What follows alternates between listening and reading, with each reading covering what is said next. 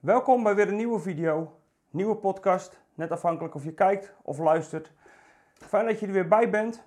En ehm, we hebben vier keer nagedacht over verwachten, de wederkomst van Jezus. En deze keer heb ik een kerstboodschap voor je. Want we zitten natuurlijk eigenlijk vandaag de dag voor kerst.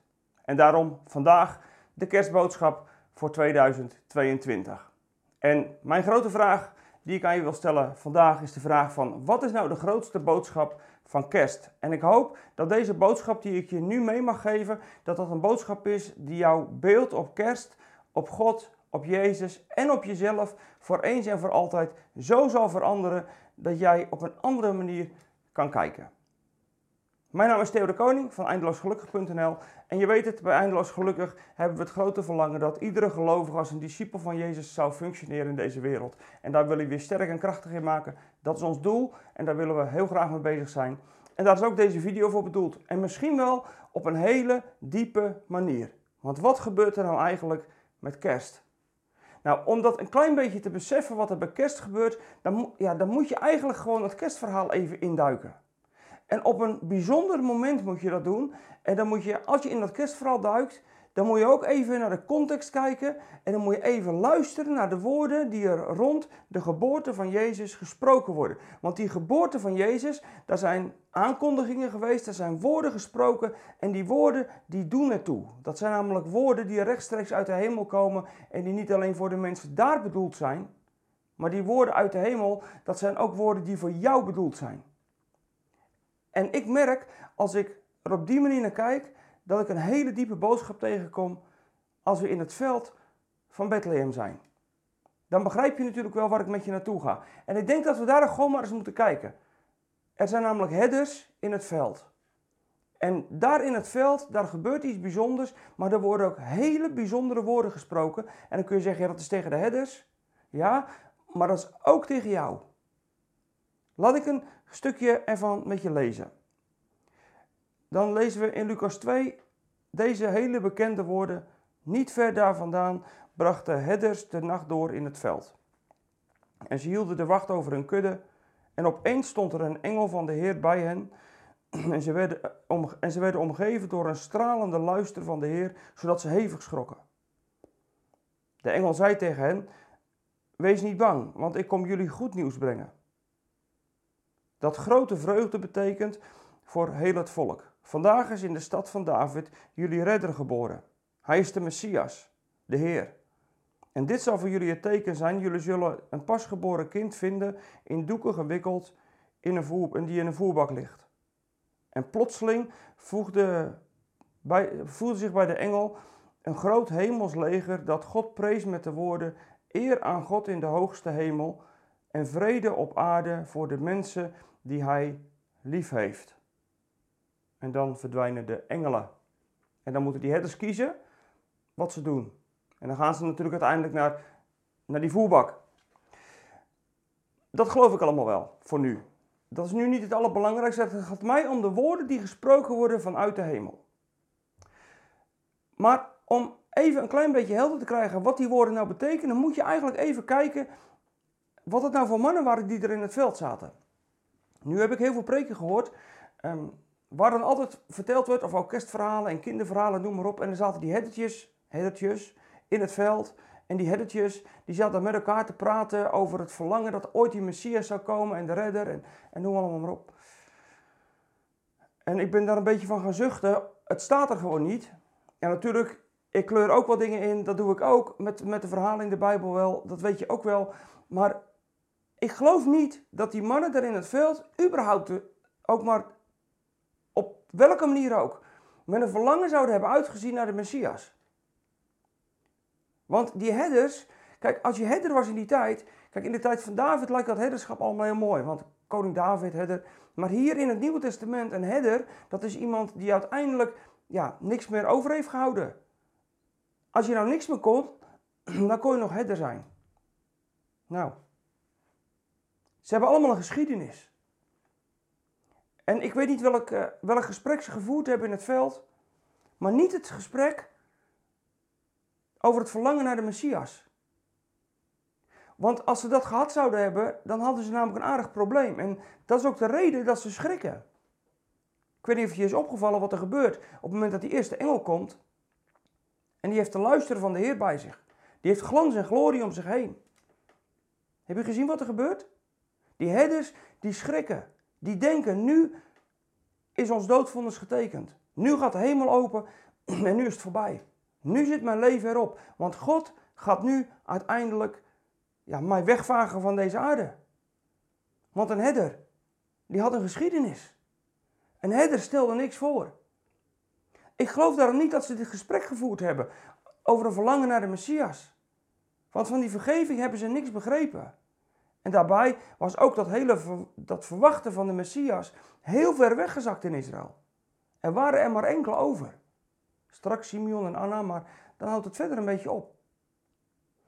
Ik kan me veel meer voorstellen dat ze het gesprek gevoerd hebben met elkaar over de vraag: wat is er in jouw leven gebeurd waardoor je zo afgezakt bent en niet terecht bent gekomen en nu uiteindelijk alleen nog maar herder kan zijn?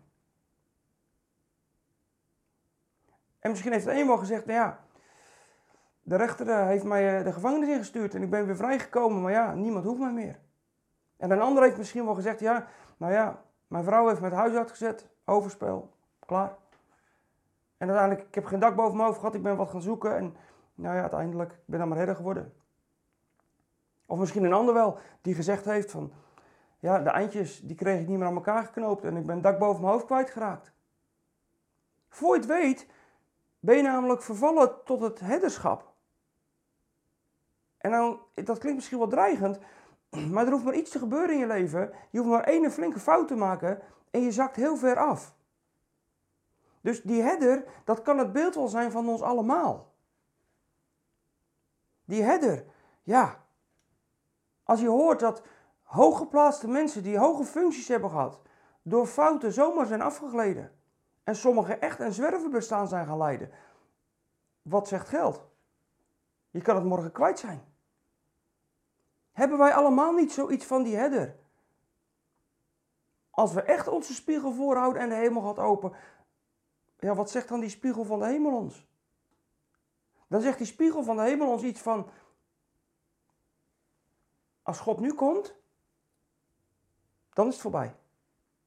Want in Gods luister, zoals dat hier gebruikt wordt, dat woord, in Gods glorie, daar kunnen wij niet staan. Dat maakt het niet eens uit of dat je nou in de bak gezeten hebt of niet. Eigenlijk zijn we allemaal daar in één pot nat. Nou, dat moet je even blijven beseffen als je dit verhaal leest. En dan vertelt die engel dat de Messias geboren is. In een voerbak ligt hij trouwens. Ja, natuurlijk. Want als hij in een paleis had gelegen, had herder daar nooit naartoe gekund. Dus hij ligt op de allerlaagste plaats van de aarde. De Messias, Jezus, is geboren op de allerdiepste, allerlaagste plaats, waar de grootste smeerlap en schooier de grootste afgegleden mens op deze wereld, die kon hem daar vinden. Daarom is hij in een voerbak neergelegd. In een kribbe. In een plek waar iedereen kan komen. Gewoon in een stal. Maar die engel die is uitgepraat. En wat gebeurt er op het moment dat die engel is uitgepraat? Dan gaat de hemel ineens nog een keer open en nog veel verder open. En een groot hemels leger staat daar dan ineens om die herders heen. En dat, dat beeld van die herder, of van dat beeld van dat leger, dat is natuurlijk niet alleen maar een strijdend leger, maar dat is hier ook een heel glorieus leger, die eigenlijk ook wel iets gaat neerzetten. Wij hebben ervan gemaakt dat ze zingen en dan zingen wij na elke kerstviering die we rond deze tijd van het jaar hebben het ere zijn God. Want we zingen dan met de engelen mee, dat zal best, maar het staat er niet. Ze hebben het waarschijnlijk geproclameerd. Ze hebben het massaal uitgesproken. Eer aan God in de hoogste hemel. Eer aan God in de hoogste hemel. Vrede op aarde. Aan wie? Aan mensen die hij lief heeft. En dat is een groot koor geweest, maar die heeft dat massaal, hebben ze dat uitgesproken. Ze hebben massaal uitgesproken deze proclamatie van de waarheid die de hemel aan de herders wil vertellen. Dat is wat er gebeurt. En dan moet je nog even stilstaan bij het woordje waar de NBV 21 van gemaakt heeft die hij lief heeft. daar staat eigenlijk mensen van het welbehagen. Je zou kunnen zeggen dat dat het welbevinden van God zou kunnen zijn. Maar het woordje welbehagen is natuurlijk voor ons een beetje een oud woord. Maar het woordje welbehagen gaat wel ergens over. Het zijn mensen in wie God zijn welgevallen heeft. Je zou het nog mooier kunnen vertalen, en misschien zit dat wel het dichtst bij, in mensen in wie God vreugde vindt. Of mensen, dat zou ook nog kunnen, dat hangt een beetje van af welke woorden je nog daarin zou moeten toevoegen. Die discussie is nogal groot. Mensen van Gods welbehagen of mensen van Gods vreugde, mensen in wie God zijn vreugde vindt. Hoe dan ook, iets daarmee. God vindt vreugde in mensen. Of mensen van Gods vreugde. En dan kom je natuurlijk eigenlijk terug bij de schepping. Want wij zijn natuurlijk naar Gods beeld gemaakt. En met dat wij naar Gods beeld gemaakt zijn, zijn wij mensen van Gods vreugde. God vond zijn vreugde in de mensen die hij geschapen had. En weet je, dat is nou precies niet veranderd. Hier in het kerstevangelie maakt God jou duidelijk dat jij een mens bent waarin God zijn vreugde vindt. Of anders, als je hem op een andere manier vertaalt, dat jij een mens bent in wie Gods vreugde is. God vindt zijn vreugde in jou. Jij bent een mens gemaakt naar de vreugde van God. Al zijn vreugde heeft hij in die mens gelegd. Zo spreekt hij jou aan in het kerstevangelie. Dat is de boodschap van het kerstevangelie. Dat jij, niet die herders alleen, dat jij een mens bent van Gods vreugde. Dat jij een mens bent waarin God vreugde vindt. Dat gaat niet alleen maar over herders hier. Dat gaat over jou. Dat gaat over mij. En mens hier, die mensen, dat heeft hier geen beperking. Soms heb je dat, dat er een beperking ligt over de mensen om wie het gaat. Maar het gaat hier over de mens in het algemeen. God vindt zijn vreugde in mensen. En daarom komt hij zijn vrede op deze aarde brengen. Vrede tussen mens en God, die komt hij herstellen door Jezus heen, omdat hij zijn vreugde in jou vindt. En omdat hij zijn vreugde kwijt wil aan jou en zijn vreugde wil beleven in jou, daarom komt hij met de Messias om jou te redden. Dat is toch een prachtige boodschap? Dat is toch heel wat anders dan alleen maar, ja, Jezus is gekomen om, om, om te redden. Ja, Jezus is gekomen om, ja. Ja, maar waarom dan? Nou, omdat God zijn vreugde in jou vindt. Jij bent een mens van Gods vreugde. Daarom doet hij dat. Dat is het hele doel. En ik denk dat we daar te weinig bij stilstaan. We zijn vaak zo bezig met dat God is gekomen, dat wij zondig zijn en nou noem het allemaal maar op. Maar ondanks dat wij in Genesis 3 gezondigd hebben, ondanks dat, blijft God nog steeds zijn vreugde zoeken in mensen. En die mens, daar is niemand in uitgesloten. En dat hij het bij herders brengt, dat is dan, zou, zou je kunnen zeggen, het uitschot van de maatschappij. Dus lager dan dit kan niet. Nou weet ik niet wat jouw herdersbestaan is. Wat er in jouw leven al gepasseerd is, waarvan jij zegt van nou ja, als God het hier met mij over gaat hebben, heb ik toch nog wel een uitdaging. Nou, misschien is dat helemaal niet eens belangrijk. Want als die herders hier schrikken van die engel, dan zegt die engel, je moet niet schrikken. Want ik kom jullie goed nieuws brengen, een blijde boodschap. Ik kom jullie vrede brengen. Dus die, die engel, die stelt hen gerust. Die spiegel die zij in die open hemel zien, die zit die engel als het ware aan de kant. Omdat God met zijn vrede komt. Voor mensen in wie jij vreugde vindt. Dus wat jouw herdersbestaan ook is. En wat jij ook hebt meegemaakt. Misschien moeten we vandaag maar eens een keer zeggen, dat doet er op dit moment helemaal niet toe. Er is maar één vraag, en dat is de vraag die eigenlijk de herders natuurlijk ook gekregen hebben. Dat is de vraag die de herders eigenlijk kregen van, ja, wat doe je nou met deze boodschap? Wat doe je hier nou mee? Nou, met deze boodschap kun je maar één ding doen. Opstaan en naar die redder toe gaan. Omdat hij zijn vreugde in jou hebt gevonden. En dan kom je uit bij de eerste woorden van wat die engelen uiteindelijk met elkaar uitspraken. Dan sprak je, dan, dan spreken ze uit eer aan God. Dat mag je leven zijn met kerst. Dat is je leven door kerst. God de eer geven, omdat Hij zijn vreugde in jou is blijven zoeken. En omdat Hij zijn vreugde in jou is blijven zoeken, heeft Hij jou zijn vrede gebracht. Dus jij bent waardevol. Jij bent een mens van Zijn vreugde, van Zijn blijdschap, van Zijn welbevinden. God vindt alles in jou. Daarom kwam Hij je redden. Daarom ben jij in Jezus gaan geloven. Jij doet het dus toe. Je bent niet waardeloos, maar je bent volkomen aanvaard door God. Wat jouw herdersbestaan ook is. En misschien zeg je misschien, ik heb helemaal geen herdersbestaan. Het valt bij mij best wel mee. Ja, oké. Kunnen we heel wat van vinden op dit moment. Maar als jij in je eigen spiegel kijkt, dan mag jij daar een mens zien waarin God zijn vreugde vindt. En waar hij met vrede en met liefde naartoe is gekomen. Daarvoor is Jezus afgedaald. Hij heeft zijn glorie afgelegd. En is in die voerbank gaan liggen. Dan kun je nog maar één ding zeggen. Dan is kerst uiteindelijk vanuit onze kant vandaan naar God toe maar één ding. Eer aan God. Ik hoop dat deze kerstboodschap voor dit jaar jou bemoedigt. Dat jij jezelf mag zien als iemand in wie God zijn vreugde vindt.